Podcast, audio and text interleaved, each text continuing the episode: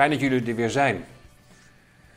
Zoals ik dinsdag heb aangekondigd, wil ik graag de komende tijd in aanloop naar Pinksteren met jullie nadenken over het onderwerp een geestvervuld leven. Het verlangen om vol te zijn van de Heilige Geest. Het verlangen om je door de Geest van God te laten leiden. Nou, afgelopen dinsdag, toen heeft premier Rutte ons weer toegesproken. En zijn boodschap was onveranderd. Blijf je handen wassen, hou anderhalve meter afstand en blijf zoveel mogelijk thuis. Dus we worden nog wel even wat langer op de proef gesteld. De kinderen mogen dan wel naar school vanaf 11 mei, zei het dan gedeeltelijk. Jongeren mogen weer wat sporten onder bepaalde omstandigheden. Maar de intelligente lockdown die blijft voorlopig nog gehandhaafd tot 20 mei. Zoals ik al zei, we worden best op de proef gesteld wat dat betreft. En als je dat bedenkt en dat even afzet tegen dat onderwerp, een geestvervuld leven, dan moet ik daarbij denken aan wat de Heilige Geest in onze harten wil uitwerken. Wat Hij in ons wil doen. Nou, dat bepaalt mij dan direct bij Galaten 5, vers 22. Want daar gaat het namelijk over de vrucht van de geest. En de vrucht van de geest, dat zijn eigenlijk partjes van één vrucht. En ieder partje is, is als het ware een, een karaktereigenschap van de Heer Jezus. Lees maar mee. De vrucht van de geest is echter liefde, blijdschap, vrede, geduld, vriendelijkheid, goedheid, geloof, zachtmoedigheid en zelfbeheersing. Nou, als je dit nou even afzet tegen de tijd waarin wij leven, dan moeten we onze zelfbeheersing bewaren. Dat betekent we moeten precies dat wat ons opgedragen wordt, wat de regering ons als advies geeft, als regel geeft, dat moeten we ook blijven naleven. Het is o zo aanlokkelijk om daar weer een beetje van af te gaan wijken.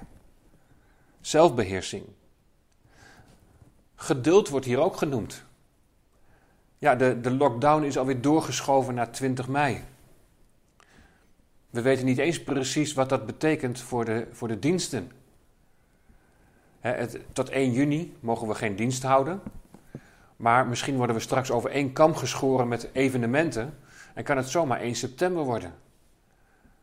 Op allerlei mogelijke manieren wordt ons, ons geduld op de proef gesteld.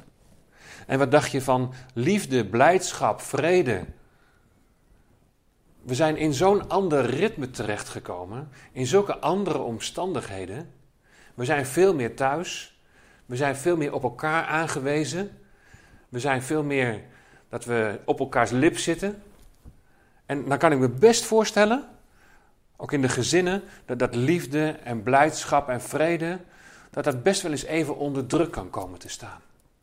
Maar toch is dat Gods verlangen dat de Heilige Geest in ons zal uitwerken, dat wij gaan veranderen naar het beeld van de Heer Jezus. Ja, Zo'n intelligente lockdown heeft best wel behoorlijke consequenties. En heeft ook een behoorlijke impact en dan zal ook, daar ben ik van overtuigd, naar de toekomst behoorlijke gevolgen hebben. Sociaal-emotionele gevolgen die zijn er nu al voor, voor een hele kwetsbare groep als ik denk aan de ouderen die in de verpleeghuizen zitten.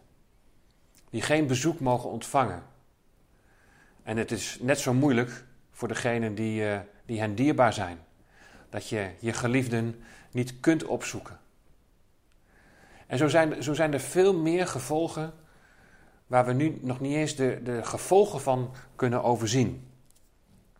Er zijn natuurlijk ook economische gevolgen. En die kunnen ook heel heftig zijn. Wij leven in een maatschappij en we zitten in een, in een economische structuur wat als volgt werkt.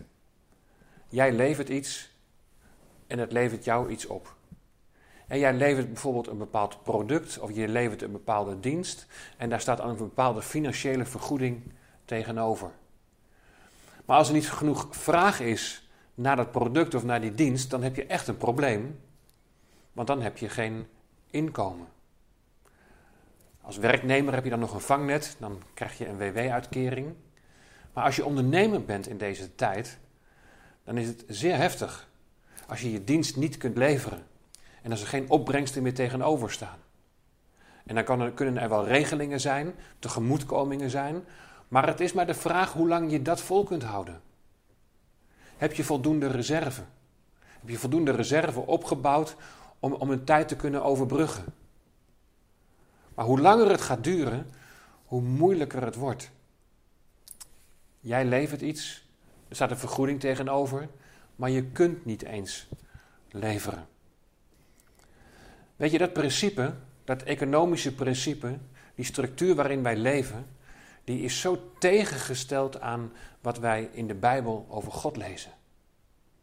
Wij hebben een God van genade, die geeft om niet. Die vraagt daar niet een bepaalde prestatie voor, maar Hij wil ons tot zich nemen, Hij wil ons redden en in gemeenschap met ons leven door genade alleen. En we hebben de vorige keer gelezen over de verzegeling met de Heilige Geest. En we hebben toen ook met name nagedacht van hoe kun je nou er zeker van zijn dat je Gods geest hebt ontvangen. Nou, die zekerheid heb je niet op grond van werken of op grond van goede daden, maar die heb je alleen op grond van genade. Door het geloof in de Heer Jezus Christus heb je de Heilige Geest ontvangen. Nou, voor deze tweede keer gaan we wederom, zoals aangekondigd in de Efezebrief, lezen. En ik wil met jullie lezen Efeze 2, vers 18. Want door Hem hebben wij beiden door één geest de toegang tot de Vader. Wat ik in dit vers zou willen benadrukken, in Efeze 2, vers 18, dat is door één geest de toegang tot de Vader.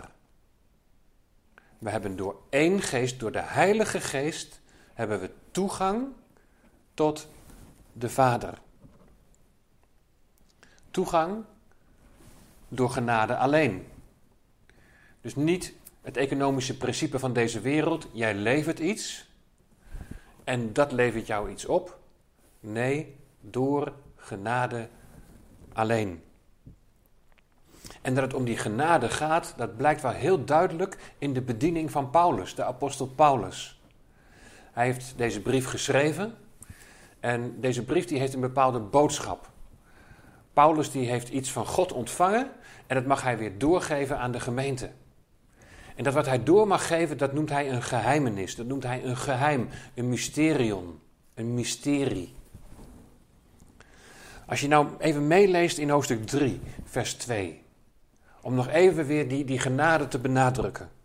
Daar staat, als u tenminste gehoord hebt, zegt Paulus, van de uitdeling van de genade van God, die aan mij gegeven is ten behoeve van u. Nou, weet je, voor dat woordje uitdeling, andere vertalingen vertalen het met bediening of taak. Deze uitdeling van genade, voor uitdeling staat in het Grieks oikonomian. Dat kennen wij van het woordje economie. Kijk, God heeft een hele andere economie. God, Paulus die mag uitdelen van de genade, de boodschap van genade. Die aan hem gegeven is en die hij weer door mag geven. En dit geheimenis, dat houdt in, en je leest dat in hoofdstuk 3, vers 6, namelijk dat de heidenen mede-erfgenamen zijn en tot hetzelfde lichaam behoren en mede-deelgenoten zijn van zijn belofte in Christus door het evangelie.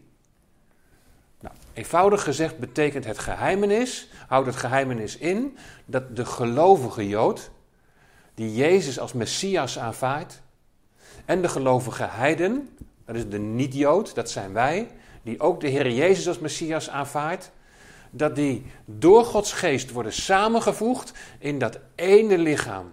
En die zijn samengemaakt tot één nieuwe schepping in Christus. Dat is de boodschap van het mysterie, van het geheimenis.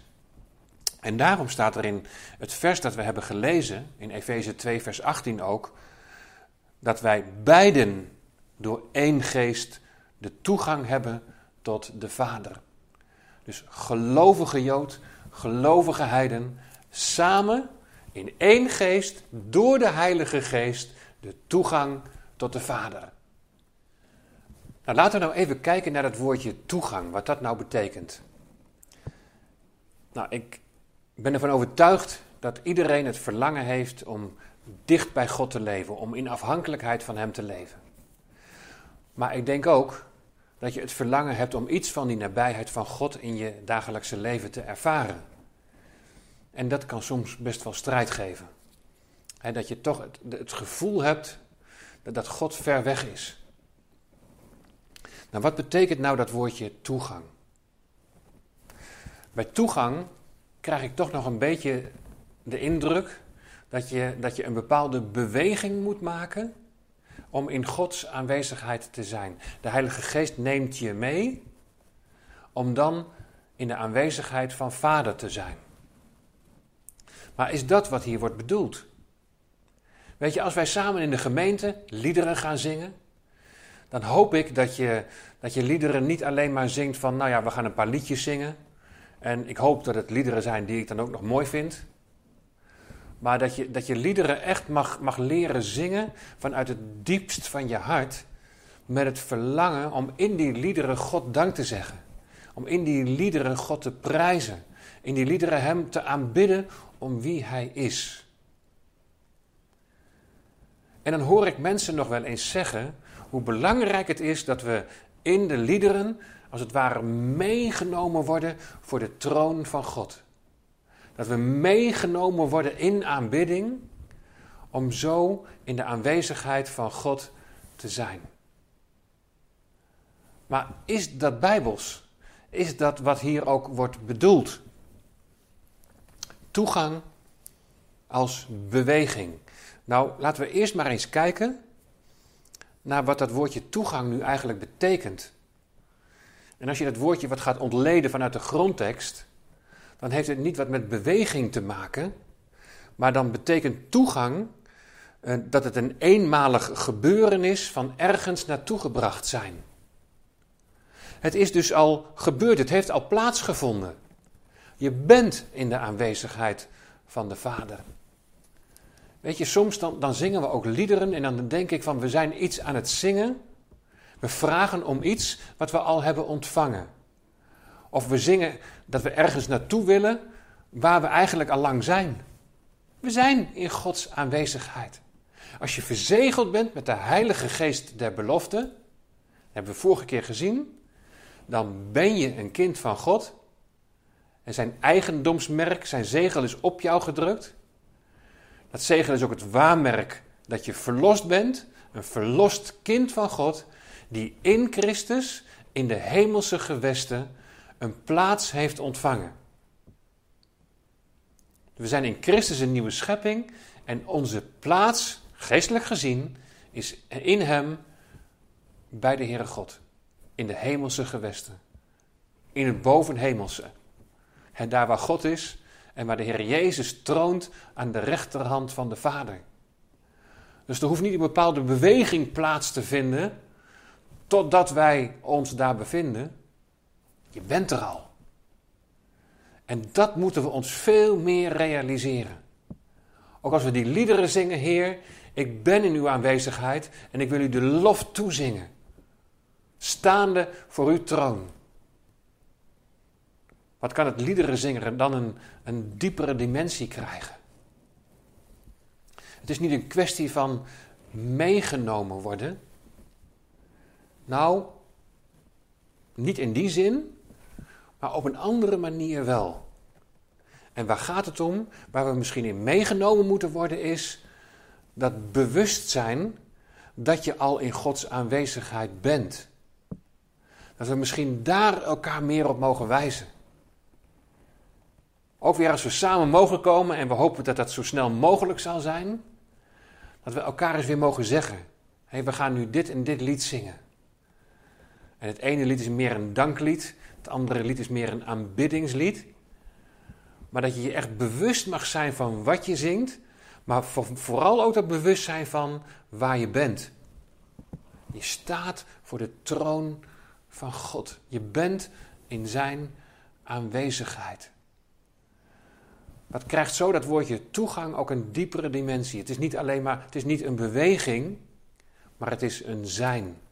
Weet je, gebed en, en aanbidding,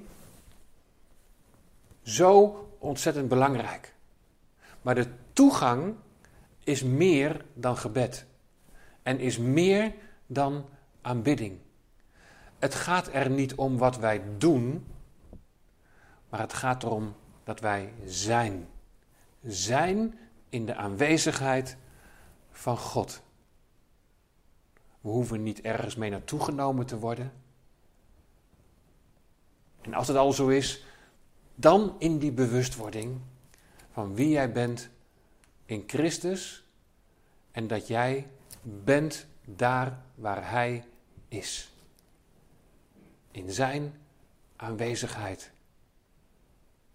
Dat is de plek waar ik wil zijn. Dat is de plek waar jij wil zijn, toch? En dat je vanuit die bewustwording ook weer opnieuw zijn aanwezigheid in je leven zult mogen gaan ervaren. En dat wens ik je van harte toe. Ook als, als deze tijd een hele moeilijke tijd voor je is.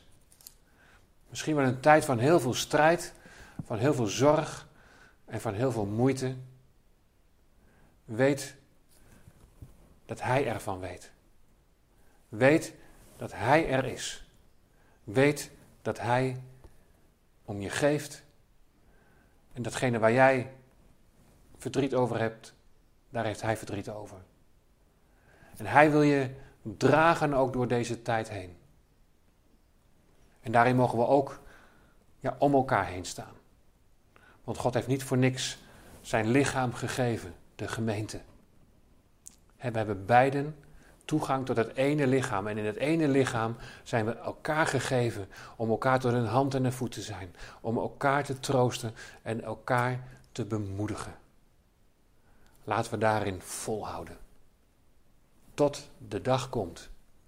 De dag dat die erfenis ons deel wordt.